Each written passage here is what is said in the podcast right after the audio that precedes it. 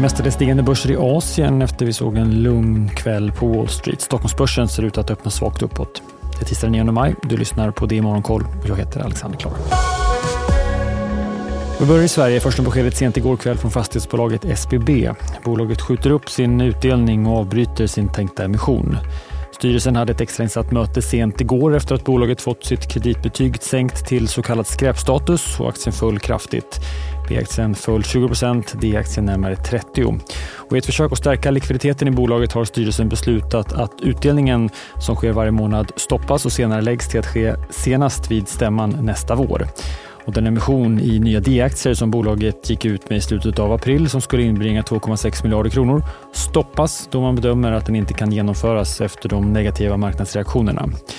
Genom att ställa in utdelningen behåller bolaget ungefär 2,5 miljarder kronor på ett år. Och reaktionerna har redan kommit på beskedet. Carnegies analytiker har hunnit ut och sänka sin rekommendation för aktien nu på morgonen ner till sälj och riktkursen sätts till 7 kronor. Vi fortsätter i Asien där börserna mestadels stiger. Tokyobörsen är upp 1% och vi ser att flera biltillverkare, bland annat Toyota och Nissan, är upp ett par procent.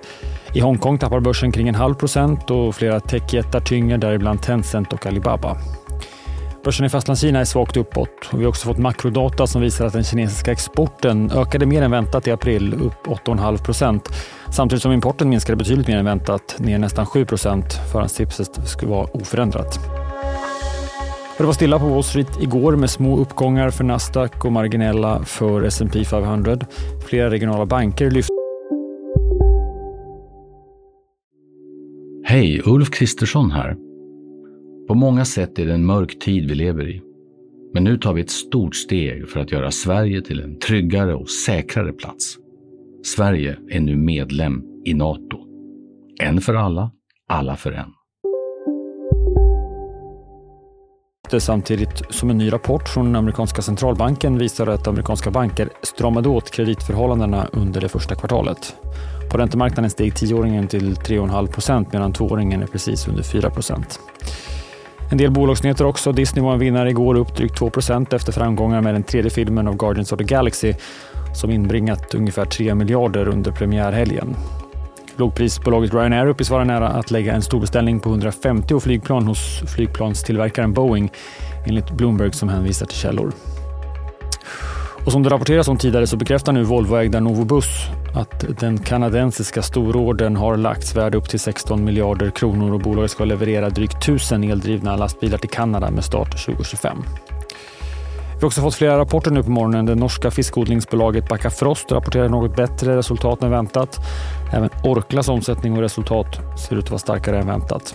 Vi får en del svenska rapporter under morgonen, däribland e-handlaren Revolution Race som kommer med rapport halv åtta. Och från utlandet ser vi fram emot en del spelbolag som rapporterar idag. Vi har ännu inte fått Nintendos kvartalssiffror.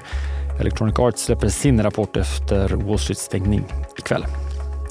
Missa inte Börsmorgon med start eh, kvart i nio eller lyssna på programmet som podd från klockan 11. Det kommer såklart bli fokus på fastigheter och eh, de sena beskeden från SBB sent igår.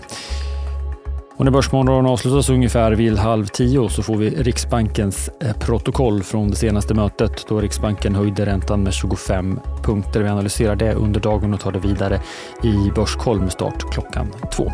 Det är Morgonkoll är tillbaka igen imorgon. Jag heter Alexander Klar.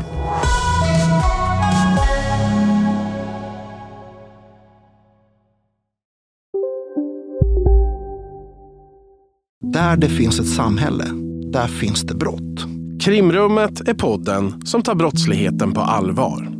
Jag bjuder in landets ledande experter och tar upp aktuella rättegångsfall för att begripliggöra den kriminalitet som kryper allt närmare. Du, alltså, du kan knäcka ett eller några gäng, men det kommer komma nya och så kan vi knäcka dem sen. Men att du ska knäcka allt forever, det kommer aldrig ske. Det är infinite gain. Lyssna på Krimrummet, en podd från Expressen med mig Kim Malmgren.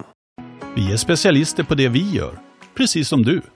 Därför försäkrar vi på Swedea bara småföretag, som ditt.